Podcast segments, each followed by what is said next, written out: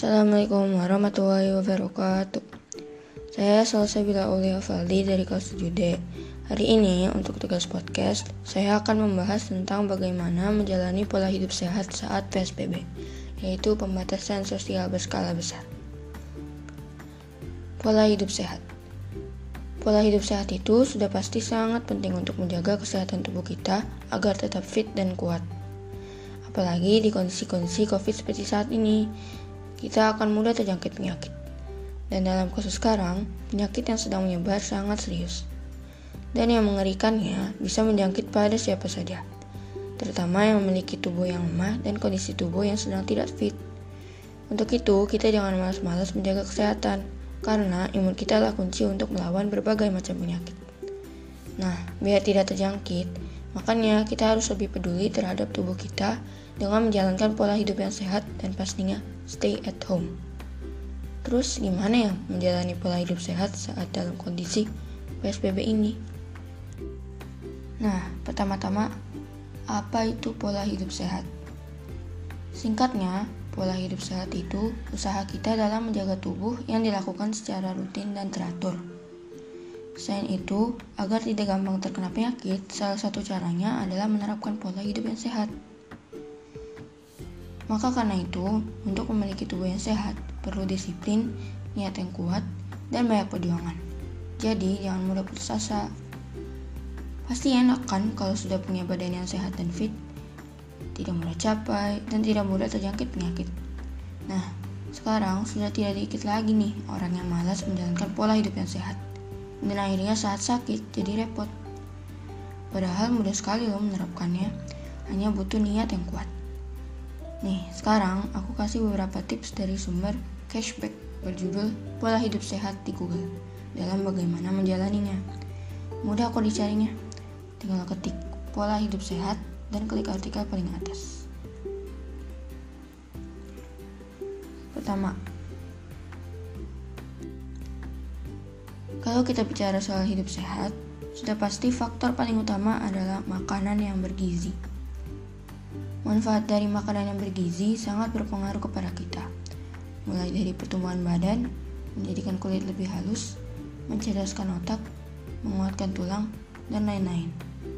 Tentunya kita harus mengonsumsi makanan yang kaya akan gizi, serat, dan vitamin. Lalu banyak memakan buah-buahan dan sayur-sayuran. Baiknya mengonsumsi 5-6 porsi setiap harinya. Jangan lupa juga karbohidrat yang paling penting, nasi. Selain makanan, minum-minuman yang menyehatkan juga penting, seperti susu dan air kelapa. Nah, yang masih sulit sekali untuk kita pastinya mengurangi makanan berlemak dan terlalu manis. Apalagi jauh-jauh dari yang namanya snack atau jajanan. Untuk sekarang, baiknya menjauh dulu dengan makanan yang mengandung banyak gula dan micin. Bagusnya mengganti snack dengan roti dan buah-buahan. Selain itu, jangan terlalu sering minum minuman yang bersoda dan sangat asam jika bosan, coba mengolah buah-buahan menjadi jus, smoothie, puding, es krim, dan lain-lain. Selain bisa dijadikan snack, juga lebih memotivasi kita untuk membiasakan memakan buah lebih rutin. Intinya, kita harus pintar-pintar dalam memilih makanan, karena semakin bergizi, semakin sehat badan kita. Kedua, minum air secukupnya dan gosok gigi teratur. Untuk memiliki badan yang sehat, maka mulut kita juga harus sehat dan bersih. Kita harus menjaga kebersihan mulut kita dengan teratur. Jangan menunggu sampai bau dan nyeri. Karena di mulut kita bakteri mudah berkembang biak sehingga bisa berdampak buruk pada tubuh. Untuk itu, kita harus gosok gigi dengan bersih dan rajin. Terutama saat mandi, sehabis makan, dan sebelum tidur. Lalu, kita harus minum 8 gelas air sehari. Jangan terlalu dikit dan jangan berlebihan juga. Dengan minum air, membantu meningkatkan kefokusan kita, meningkatkan stamina, dan membantu pernafasan juga. Nah, baiknya saat bangun tidur, awali dengan meminum segelas air. Nanti insya Allah akan lebih segar. Saat sesudah makan sesuatu, juga minum air untuk membersihkan mulut dan melancarkan proses pencernaan. Lalu sebelum tidur juga bagusnya minum air jadi mengawali dan mengakhiri disempat.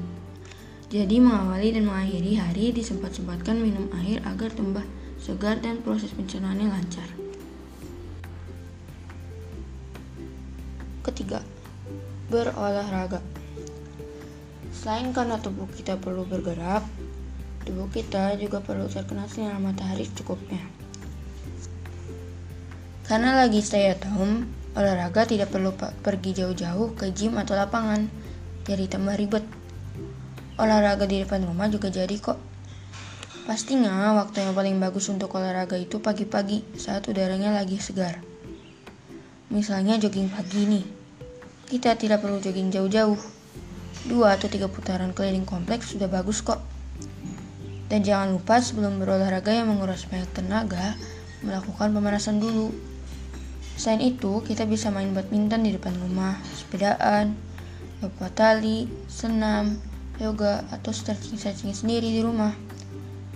Karena social distancing, hindari dan kurangi dulu main dengan teman-teman sekompleks seperti main basket, futsal, peta kumpet, dan permainan lain yang membutuhkan banyak orang. Kalau misalnya sehabis main bersama teman-teman, jangan lupa saat pulang cuci tangan. Nah, bagi yang kurang suka berolahraga, bisa juga melakukan aktivitas yang tidak terlalu menguras tenaga dan membutuhkan physical ability.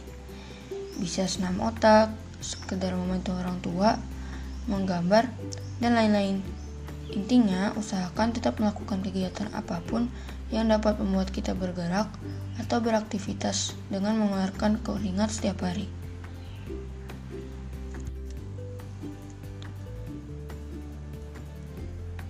Nah, kan sudah banyak olahraga.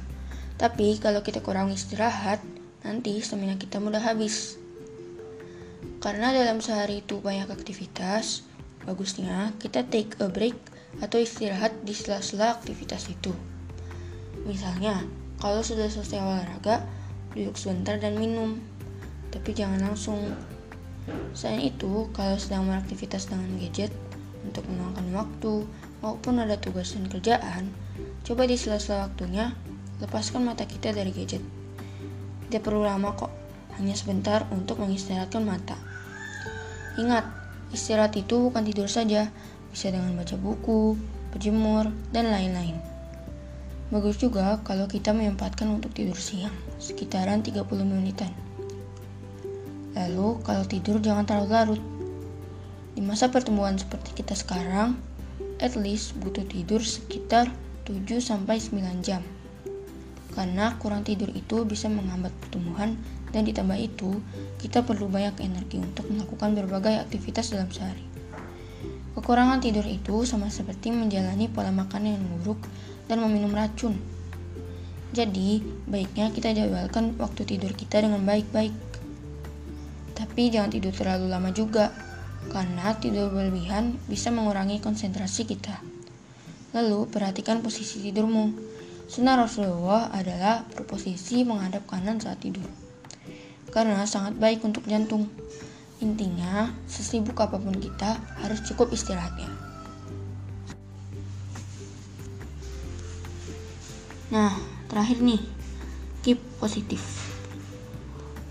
Berpikir positif itu bisa berupa semangat, tekad, keyakinan dalam sesuatu yang baik, dan lain-lain. Berpikir positif itu juga bisa meningkatkan sistem kekebalan tubuh dan memperpanjang usia kita. Apalagi nih sekarang, kita sangat perlu motivasi-motivasi positif untuk menghadapi pandemi ini. Nah, jangan panikkan dan selalu berpikiran negatif. Jangan panik itu bukannya meremehkan. Kita harus tetap berusaha tenang serta memiliki mindset yang positif dan selalu mengambil keputusan yang terbaik. Ya tentunya mengikuti aturan yang diberikan oleh pemerintah. Dengan stay at home, bukannya kita memandang kemungkinan-kemungkinan jelek yang bisa terjadi.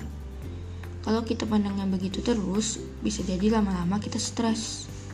Nah, stres itu bisa berpengaruh buruk terhadap tubuh kita dan dapat menjadi faktor kita terkena penyakit. Kurang istirahat dan tidur bisa jadi penyebab kita stres. Lalu, pressure dari suatu masalah. Nah, makanya kita harus coba rubah mindset kita untuk tetap positif ya, walaupun tidak selalu sih. Tapi intinya, kita harus yakin dengan keputusan stay home ini. Insya Allah kita akan safe. Amin.